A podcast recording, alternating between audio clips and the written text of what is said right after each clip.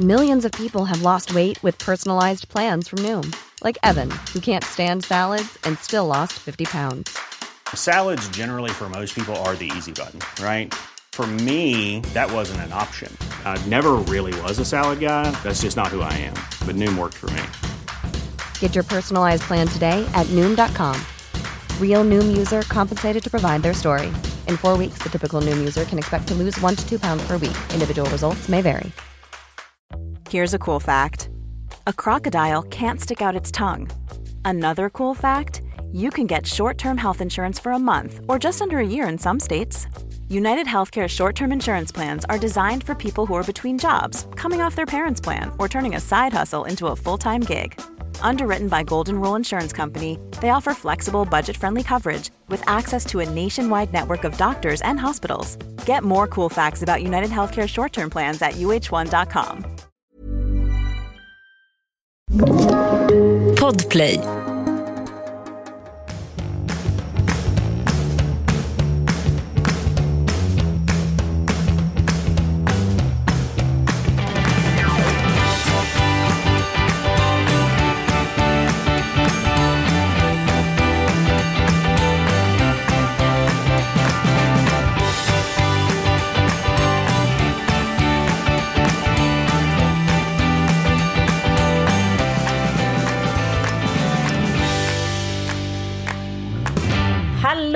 Välkomna till veckans Lille Lördag med mig Anita Clemens. Och med mig Ann Söderlund. Vilket gäng! Och vilka... Vilket du, vilket par, vilken essence av livet. Mm, och vilken liten sextant vi har här ute också i eten, det vill säga Gift vid första ögonkastet. Som jag får alltså kanske två DMs per dag där kvinnor skriker till mig kan vi få er en analys för veckans avsnitt? Det känns som att vi har liksom blivit eftersnacket.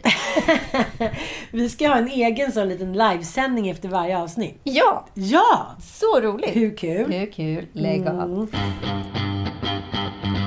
Ja, det där var en liten teaser för vad som komma skall. Eh, Vi har ju en liten eh, tunn röd tråd. Eller den är inte så tunn, den är ganska kraftig. Mm. Så det är ingen tunnblå linje då? Nej, det är inte tunnblå Men vi ska prata om faktiskt Sara i Tunna blå linjen. Hon är liksom en spännande karaktär tycker jag. Ja, det är hon. Alltså för att hon... Jag upplever henne som att hon är en... Nej, men hon är ju en väldigt reaktiv karaktär om man jämför henne med både Mange och Lea, som båda de är progressiva. Alltså han polischefen, han är också väldigt reaktiv. Man bygger ju karaktärer på det här sättet. Ja, jag fattar. Men jag tycker att det är intressant. För det är klart att alla, men, säger, alla roller byggs på karaktär som man har så spanat in i verkligheten som man då kryddar. Men det som jag tycker är jävligt intressant med de här reaktiva, som du ska använda på ditt tv-språk. Människor som då inte är offensiva. Att ofta när man är reaktiv, jag kan tycka det i verkligheten också, då händer det jävligt mycket mer än när man är det. Ja, Att det är lite så här, man vill inte riktigt ta beslut, man vill inte blanda sig med, man håller sig lite tillbaka, man är lite cool enligt sig själv. Vilket gör att så här, skådespelet och saker och ting händer framför en som man inte kan påverka. Och när man inte själv är med och styr så blir det ofta som att man hamnar i en så här, aha, vad fan händer nu då? Och så är ju Saras roll liksom mycket att hon säger... hon åker med. Ja, hon låtsas heller inte riktigt förstå. Nej, men jag tänker att hon kanske faktiskt inte förstår. För hon kommer från den kristna högen. Hon kommer från den kristna Vänster högern, har kanske, ingen vänster, aning. ja. Nej, men Nej, men för att det är så intressant med både, eh, tycker jag, Saras eh, karaktär och även hennes eh, snubbe då, Magnus. Eh, för att han är lite som de här killarna som i början man blir lite liksom förälskad i kanske på krogen eller på någon fest eller på Tinder vad det nu handlar om. Men sen så blir de lite needy och då blir man lite så här: okej, eh, Jaha, nej men eh, det ska du inte vara så här. Utan han- är bara ärlig och sårbar. Och det är det som man märker att Saras karaktär, hon förstår inte skillnaden av att så här, vara sårad över att han blir då lite offensiv och sårad av henne. Eh, till att vara sårbar. Det är väldigt läskigt att vara sårbar. Och det, det ser man att skillnaden däremellan är väldigt otydlig. Ja, och, och det här ser vi också hela tiden exempel på i vårt favoritprogram Gift vid första ögonkastet. Att Mm. tjejerna här har liksom mixat ihop begreppen sårad och sårbar. För att de tror att att vara sårad är att vara sårbar. Men det är ju en absolut feltänk. Men, och jag tycker det är så talande för vår generations kvinnor. Jag ser ju ofta det liksom i sociala medier så fort det sätter igång här drev. Att mm, kvinnor, primärt måste jag faktiskt säga, har väldigt svårt att hålla isär på sak och person just när det kommer till liksom relation, feminism, alltså allting som har med eh, liksom, någon, någon så här politiskt, whatever. Alltså de har svårt att hålla isär begreppen och där blir det rörigt och det blir också känslomässigt rörigt för helt plötsligt börjar du validera saker och ting fel. Och det är väl det lite Sara gör i Tunna blå linjen. Precis, att hon säger... Men det, det, det var ju en debatt, jag tror att det är något halvår sedan, eller det har ju varit en pågående debatt fram och tillbaka om de här inne, inte-männen. Just det. De här, men allt från det här med ghosting, att man säger dejtar några gånger, kanske till och med tio gånger, man nästan så här halvbor hos varandra och sen så blir det helt tyst och så försvinner den människan från etern som ett spöke. Och man undrar så här, vad fasen händer nu? Man känner sig liksom överkörd och utnyttjad. För det är de här männen som inte riktigt vet, är de kära? Vill de binda sig hit och dit? Man kan liksom inte, de är hala, de är som ghosts.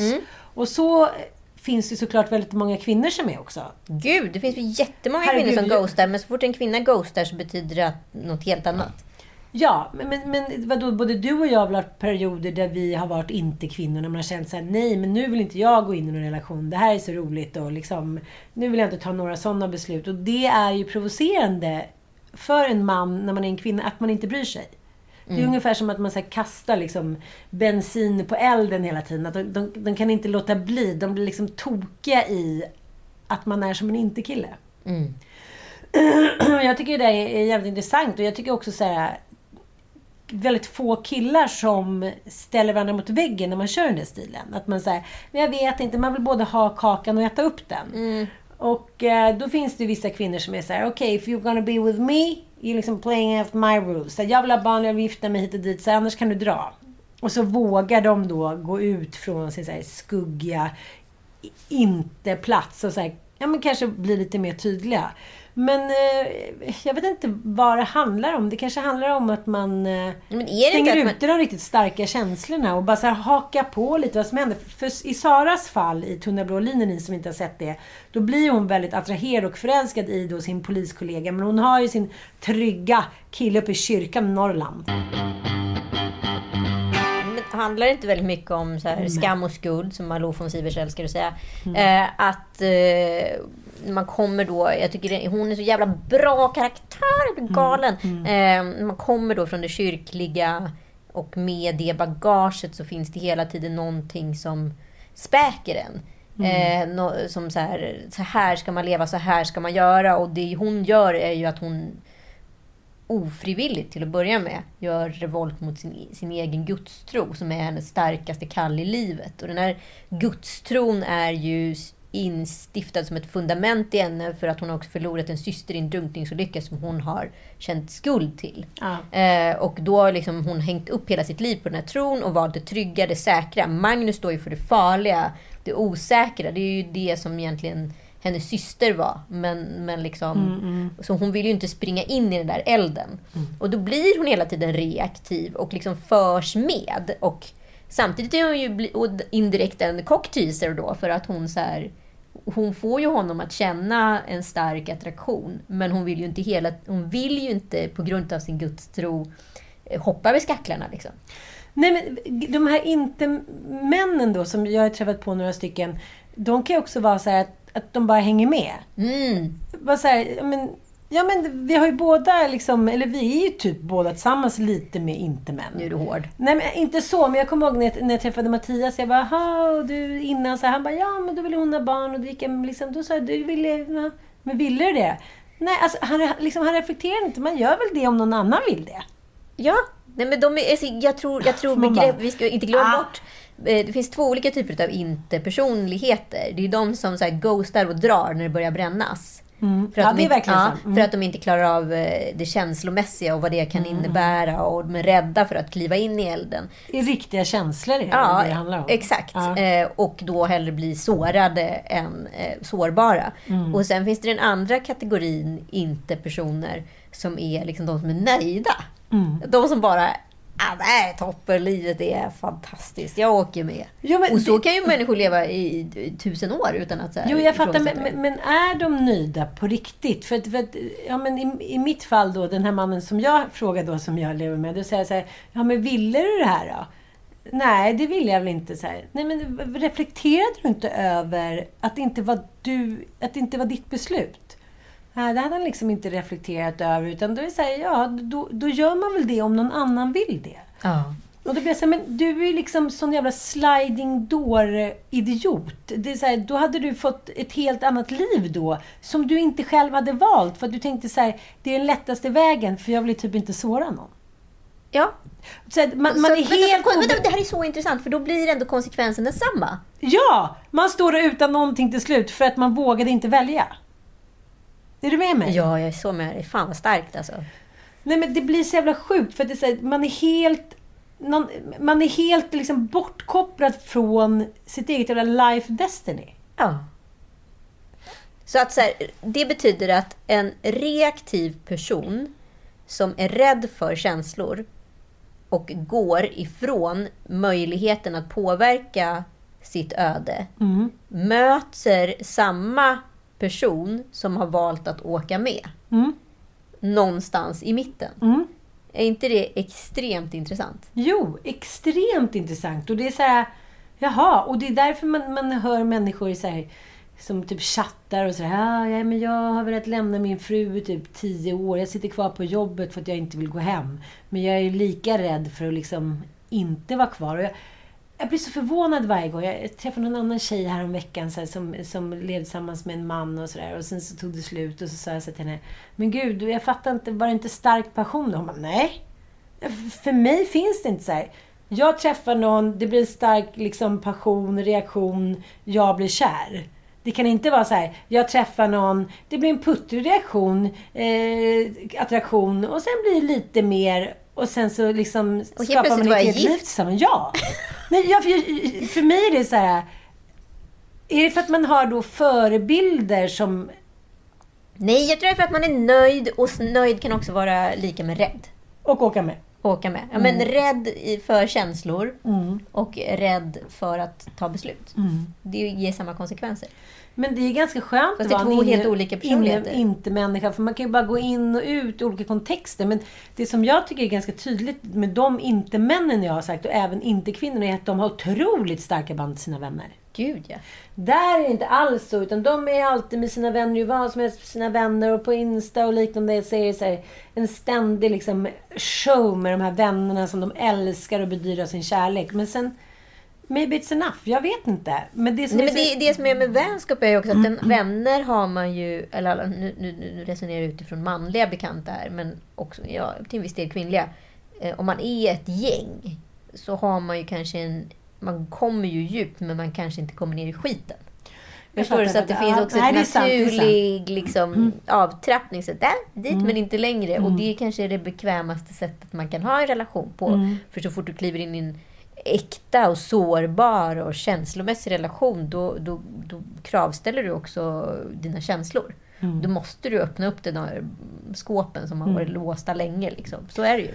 Men, men det finns ju en scen, vi kan väl lyssna på den lite, när Sara då kommer, hennes pappa äh, har dött i en bilolycka. Det, ja, det insinueras att han har tagit, eller insinueras, det uttalas att han förmodligen har tagit sitt liv. Och eh, mamman är kvar och hon blir sjukare och sjukare. Och Sara säger då, eh, ja helt sonika upp sig från då sitt polisjobb. Många de klagar över att deras barn inte hjälper dem. Jag känner inte så. Du hjälper mig mer om du lever någon slags liv som du vill ha. Sara, så nu frågar jag dig igen. Har du träffat en skåning?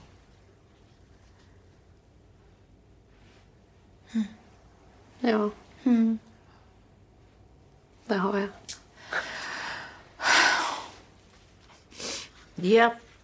Ja, då hoppas jag att han är lite roligare än den där tråkmånsen Tobias. Och här tycker jag vi ser själva essensen, the holy grail av eh, inte-människornas eh, livsavgörande beslut tolkar jag det här rätt? Om hennes mamma då eh, hade tyckt att det var okej att, att de båda gick där hemma i typ i radhuset med offerkoftan. Då hade Sara inte blivit ihop med Magnus. Utan då hade hon kanske gått tillbaka till den här tråkjönsen. Och eh, så hade hennes liv blivit liksom någonting helt annat. Ja men uppenbarligen så, så här, hennes mamma var vis nog att säga så här, jag valde att inte följa kärleken, det måste du göra. Jo, men hennes mamma, är, alltså Sara, det jobbiga är här att Sara tar ändå ett beslut. Mm. Hon tar ett beslut att hon så här, säger upp sig. Det är inte så, kanske så himla liksom, alla som är så starka i det evighetsrid. Och väljer att hon ska gå he vara hemma där och leva ett grått och undanskymt liv i Umeå. Ja, och fortsätta vara reaktiv. Ja, För att det är det hon väljer. Hon väljer ju det trygga. Hon väljer det reaktiva, för hon har varit i det. Det är hennes liksom, home turf. och det finns ju något jävligt lockande i hennes personlighet också på något sätt. Det finns ju någon sexuell liksom, dragningskraft i det där. Jag fattar, det är lite vara en player. Att man säger, ah, jaha, man låtsas att man inte fattar. Man säger, man vill liksom, man teasar, man Ja, får aldrig säger det. Hon är ju liksom ja. den perfekta cockteasern. En Ja. cockteaser är alltså en reaktiv person, inte alls speciellt Nej. progressiv. Vi vänder över det. Det är Freud, det är Freud. slips all over. Ja, Ja, och när vi kommer in på annan typ av cockteasing så måste vi komma in på vår favoritserie Gift vid första ögonkastet. För här har vi också ett gäng reaktiva killar Mm. och progressiva starka tjejer. Ja, men, nu har det men- varit maskerad. Ja. Nej, det är ett jävla kanonavsnitt alltså. Riktigt jävla håll käften bananas. avsnitt. Ja. Alltså jag, jag hade så svettattack när jag såg det här i onsdags kväll så jag bara, nej men jag klarar inte det här. Eller torsdags kväll, jag bara, jag klarar inte det här, jag klarar inte det här, jag klarar inte det här. Men när de kommer utklädda och han Johan då är i så mycket karaktär så han har glömt bort att han är Johan. Så att när han träffar det första andra paret, vilket är då Lars och Elinor, då är han fortfarande i karaktär och har glömt bort det. Men de fattar ju inte att han är i karaktär. Nej, alltså det här, jag får stresspåslag här. Mm, 1700-tals mätress med läppstift. Och sen kom tacoparet. Och det här var ju roligt för då läste jag i DN eh, någon rolig krönika, krönika om att, eh, att det har blivit liksom, eh, man kan, det har kommit klass till tacon. Alltså hur man äter sin taco i klass och att äta taco finns också klasstillhörighet.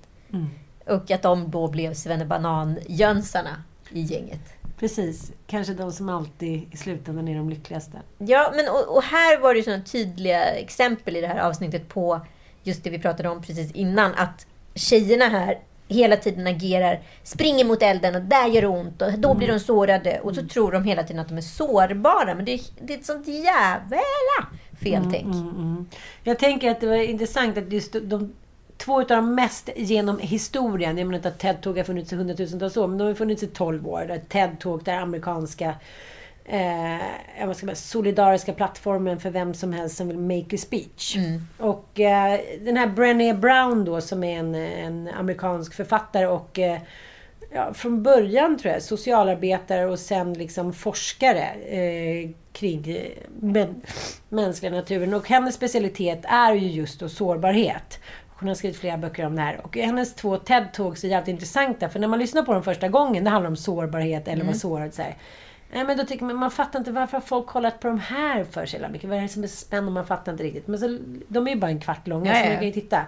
Men sen så när man lyssnar på det andra gången så förstår man så här hennes förklaring att hon har, hon har träffat tusentals människor och försöker se skillnaden på så här, vad gör den mänskliga relationen bra liksom, mellan olika par? Eller vad gör människor liksom så, vad gör att människor vågar vara sig själva och vågar, vågar tro på kärleken eller vågar liksom hitta någon form av autentisk så här, livskärna?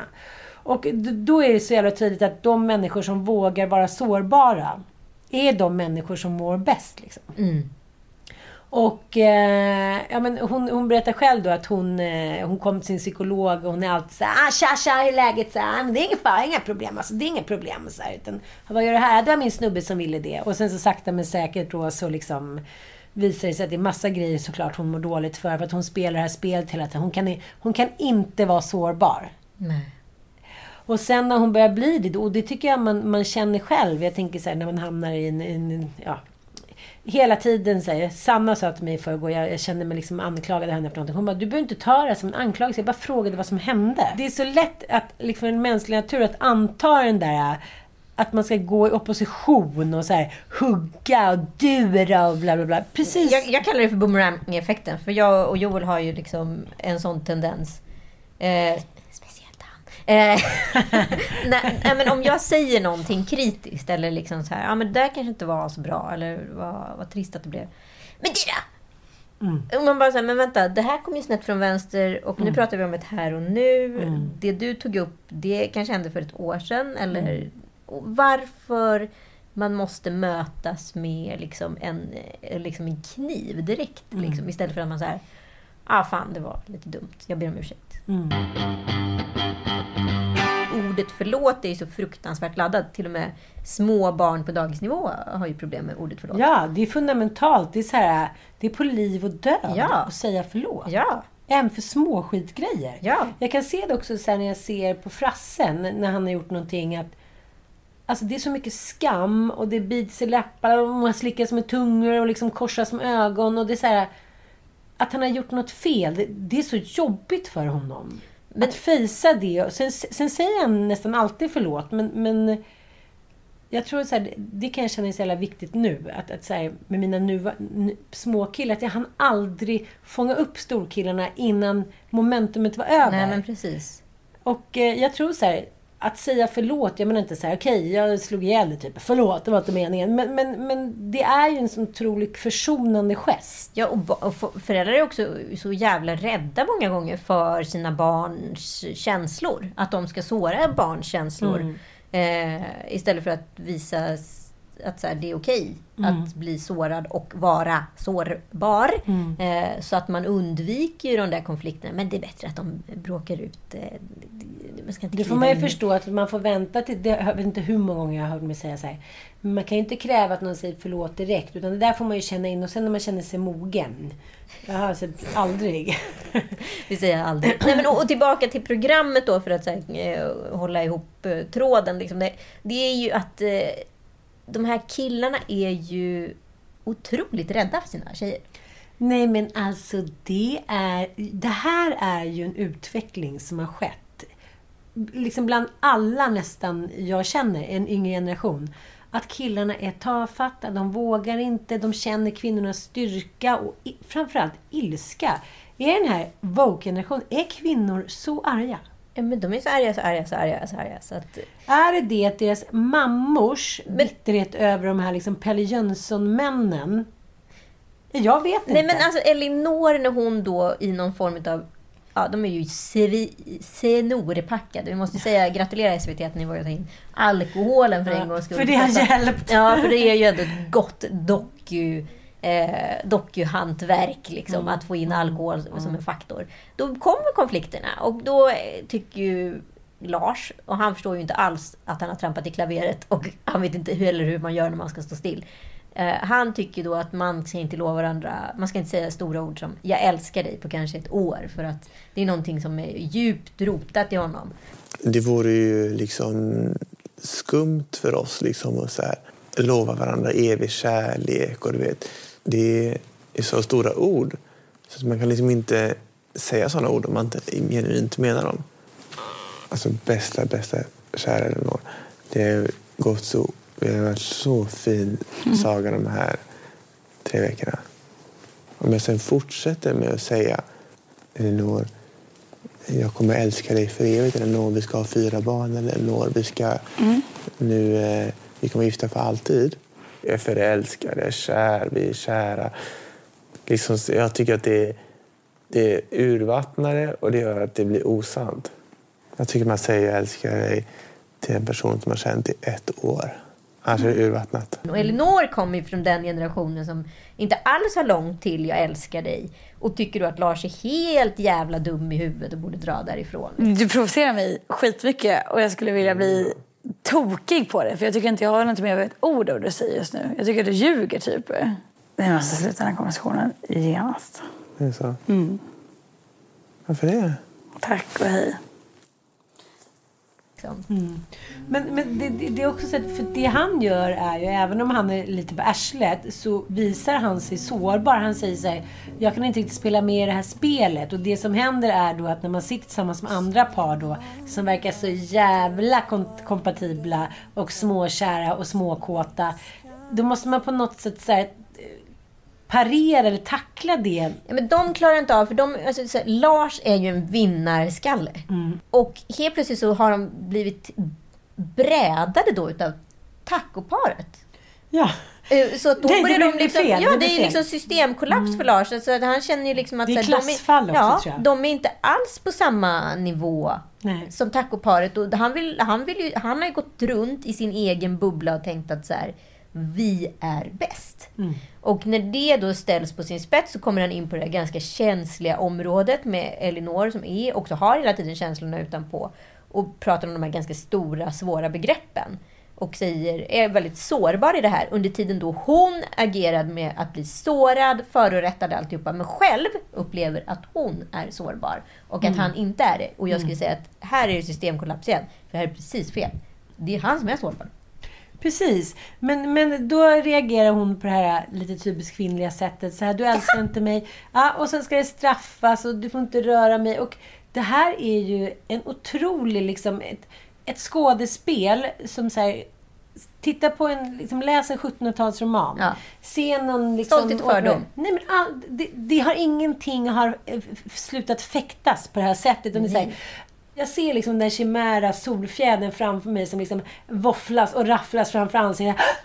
Och så den där liksom teatraliska som man själv har kört med. För att då är det helt plötsligt mannen som så här, inte uppvaktar utan det är mannen som tar på sig ansvaret för känslorna i relationen. Ja, vilket också är så här, det är Vilket så jävla fel. Nej, men också vilket är så jävla fel för att de här tjejerna tror att det är de som driver och så här ska skåpet stå och så här ska det Mm. vara och där är det våra så här. Och jag, jag kan agendan för jag har läst alla böcker och jag vet allting och jag kan, jag är tjej. Mm. Eh, men det är egentligen killarna som hela tiden förstår. Tar ansvar tar- för sina känslor. Ja! Jag tycker det har varit en, en jävligt stark blå eh, tunn eh, t- linje. Vad vill du säga? Nej, men jag, alltså, när, alla de här, när, när man tittar på nästan varenda säsong av Gifta, för, Gift i första ögonkastet. Så tycker jag överlag att det är männen som tar ansvar för känslorna. Ja, och tjejerna är sjukt omogna i känslor. Ja. Men, och jag tycker det är så jävla spännande, för samtidigt så är, vill vi inte ha tillbaka liksom 80-talsknuffen. Liksom. Alltså en sån här pösig farsa som sitter och fiser och har sig och sätter agendan liksom, och säger vad som är roligt och Det tråkigt. var det de gjorde validerar. på 1700-talet. Nej men, nej, men, nej, men utan säger, jag, kan ju älska 70-talet menar du? Nej, 80-talet sa jag väl. Utan jag tycker ju att det är jättebra att har klivit fram och tar mer space i relationen. Men Ja. sen har vi fortfarande inte förstått hur vi ska ta space. Och så länge vi rör ihop de här begreppen så kommer vi liksom inte framåt. Nej. Utan nu har vi liksom ett gäng livrädda snubbar. Så jag är inte ett dugg förvånad att snubbar nu för tiden ghostar då och då. Nej, nej. Och så tänker jag så här att det som, har- det som jag tycker blir tydligt är att så, här, så snabbt som kvinnans utbildningsnivå har ökat och till, sedermera också gått förbi mannens. Och den så här, då ska det kompenseras då via att så här, de tycker att de står över männen. Mm. Och då är vi Så- tillbaka, då har vi inte gjort någonting. Då har vi inte lärt oss någonting. Nej, så när männen då kommer in och ska ta ansvar, vilket vi har bett om i 6000 år. Eh, Då gör de ändå fel. Nej, då är det ändå fel. För då är de så här tråkiga, de utnyttjar... Ja, men, det är svårt att vinna alltså. Nämen, hej! Det är så här man ser ut ehm, utan sån här schysst klänning. Den här mannen är ju avklädd. Ska du bada? Jag fick feeling, ja. Ska du bada? Nej, aldrig i livet. Oj då. Nej, nej, det finns ju inte på kartan. Ska du bada? Det är lite kallt.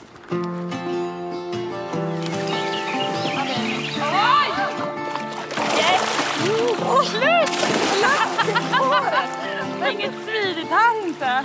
Men hur varmt? Ja, det var väldigt varmt. Men det här är ju helt galet. Insjövarmt Men jag, åh, jag vill på huvudet.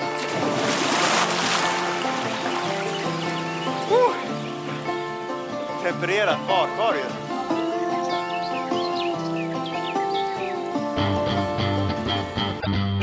När vi ändå är inne på medeltida eh, manliga beteenden så måste vi göra en snabb brygga. Vi liksom dyker över vallgraven till Göran Lamberts. Ja, men det Detta spektakel till man. Spektakel till man. Ja, Men vet du vad jag tyckte ändå var... Om man nu får se några vinster i det som skett. Det är ju att media för en gångs skull fått dragit ner brallorna på sig själva. Och bekänna- pudla. Ja, och bekänna sitt patriarkala förfall. Herregud, jag, jag, jag, det är få gånger i historien som detta har varit så pinsamt tydligt. Hur, vi, liksom, hur mänskligheten låtsas att vi ser och lär. Läs metoo.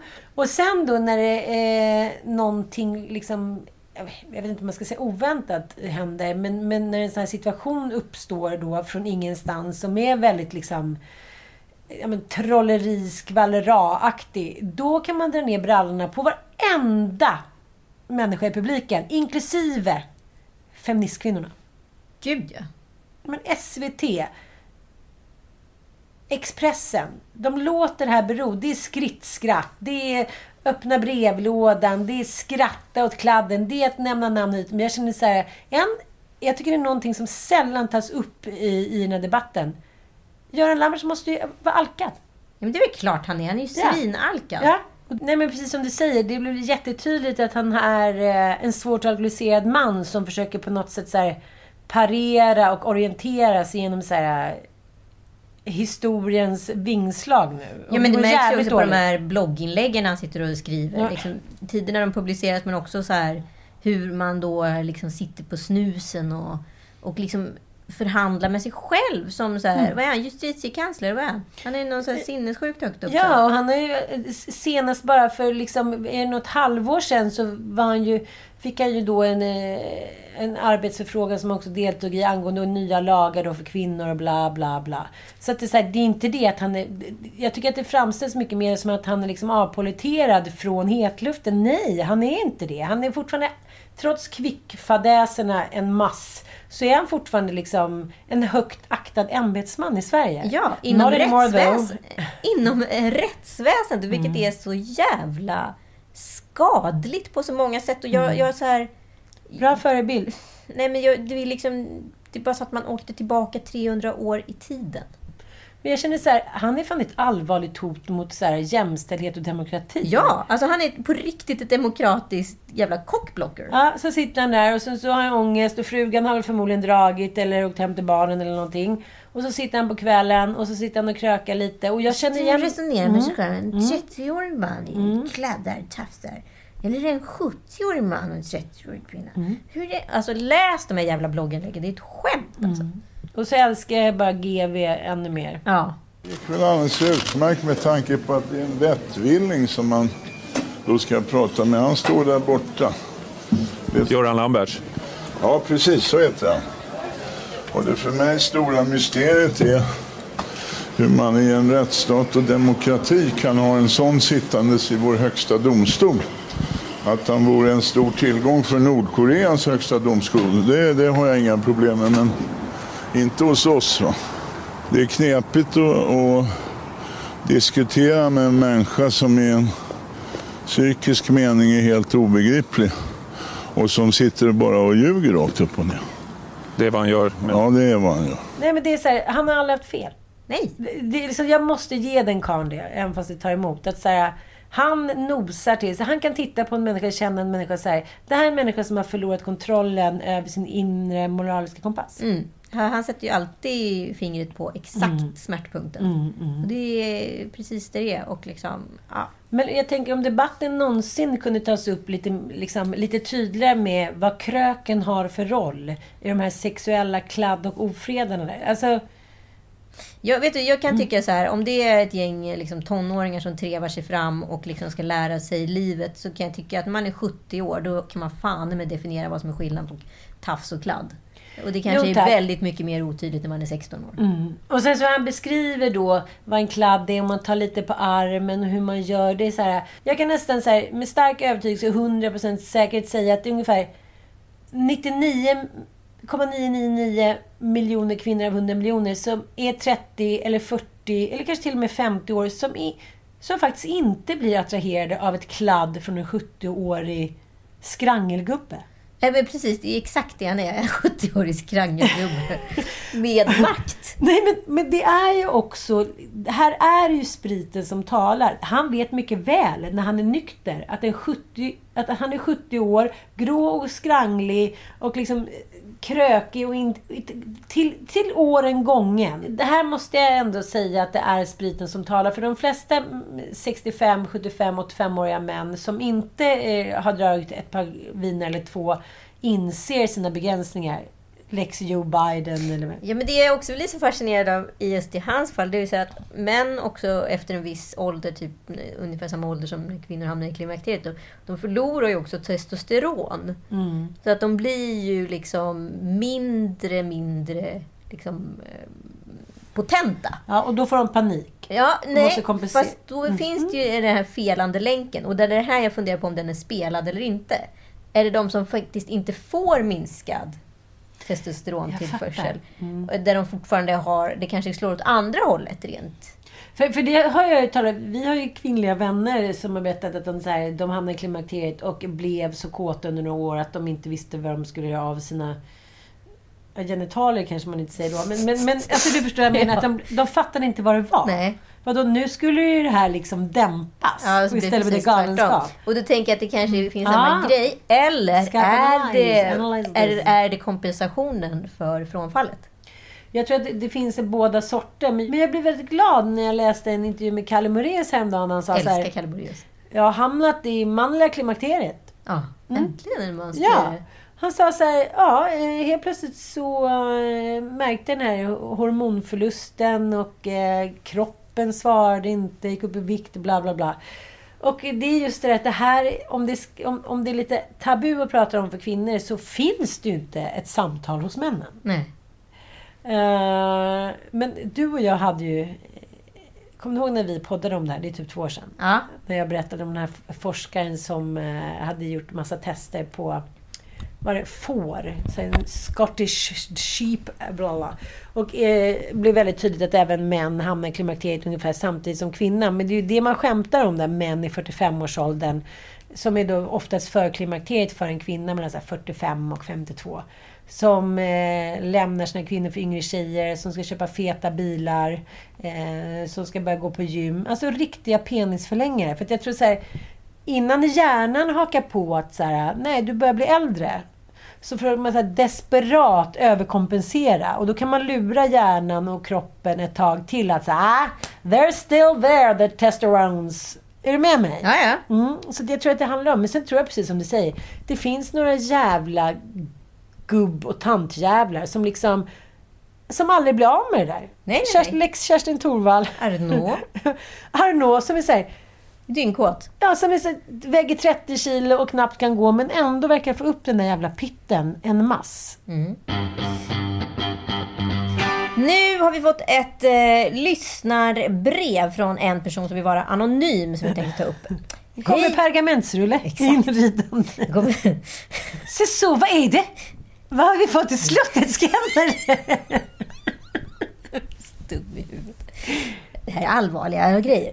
Hej Ann och Anita, tack för en superpodd. Jag har en tanke som jag inte kan släppa och skulle vilja höra en replik på. För några avsnitt sen så berörde ni Clubhouse och rummet som handlade om Margaux kille.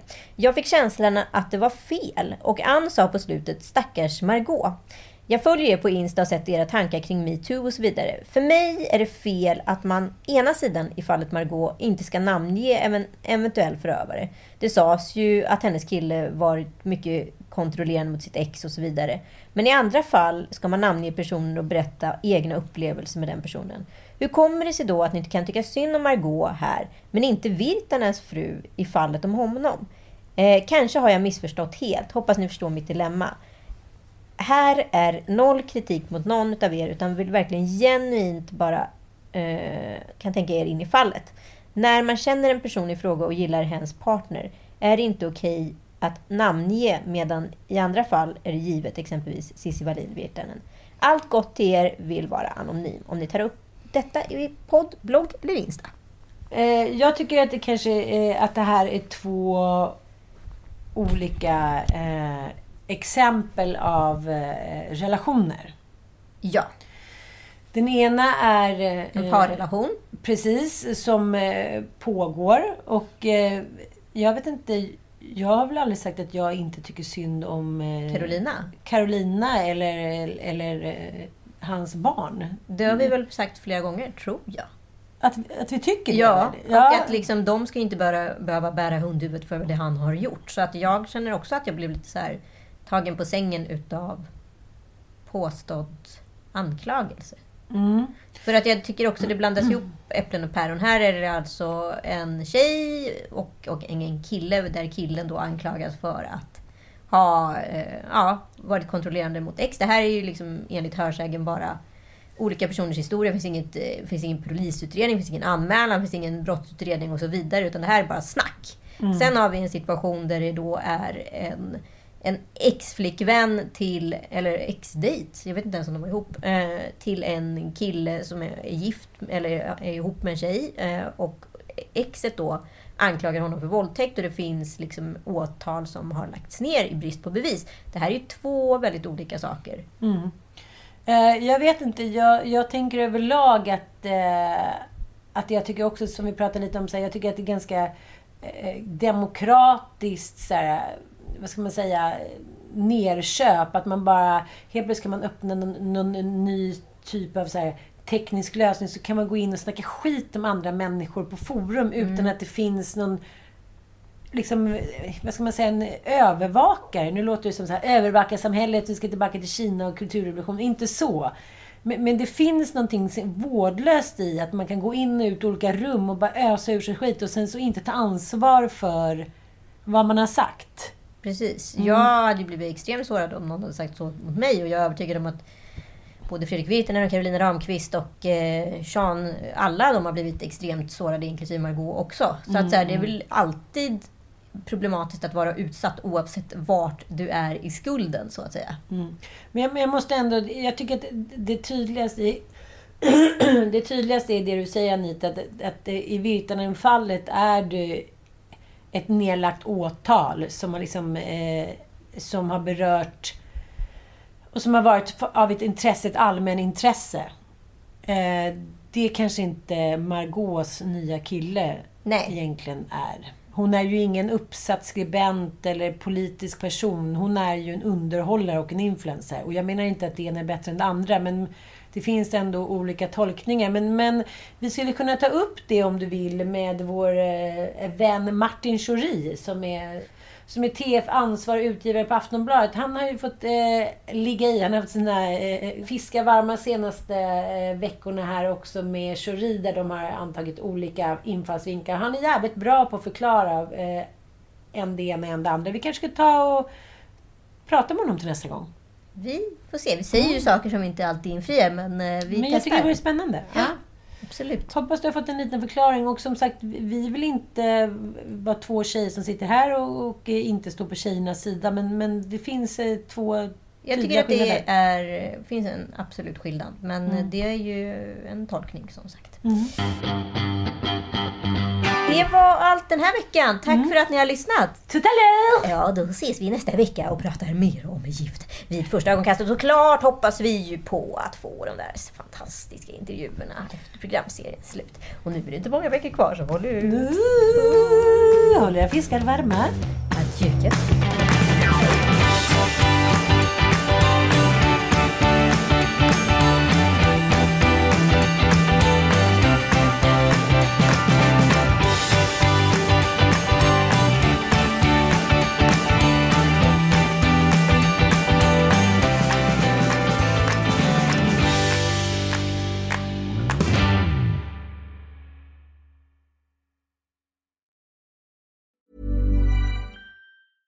Ever catch yourself eating the same flavorless dinner three days in a row? Dreaming of something better? Well, HelloFresh is your guilt-free dream come true, baby. It's me, Kiki Palmer. Let's wake up those taste buds with hot, juicy pecan-crusted chicken or garlic butter shrimp scampi. Mm. Hello Fresh.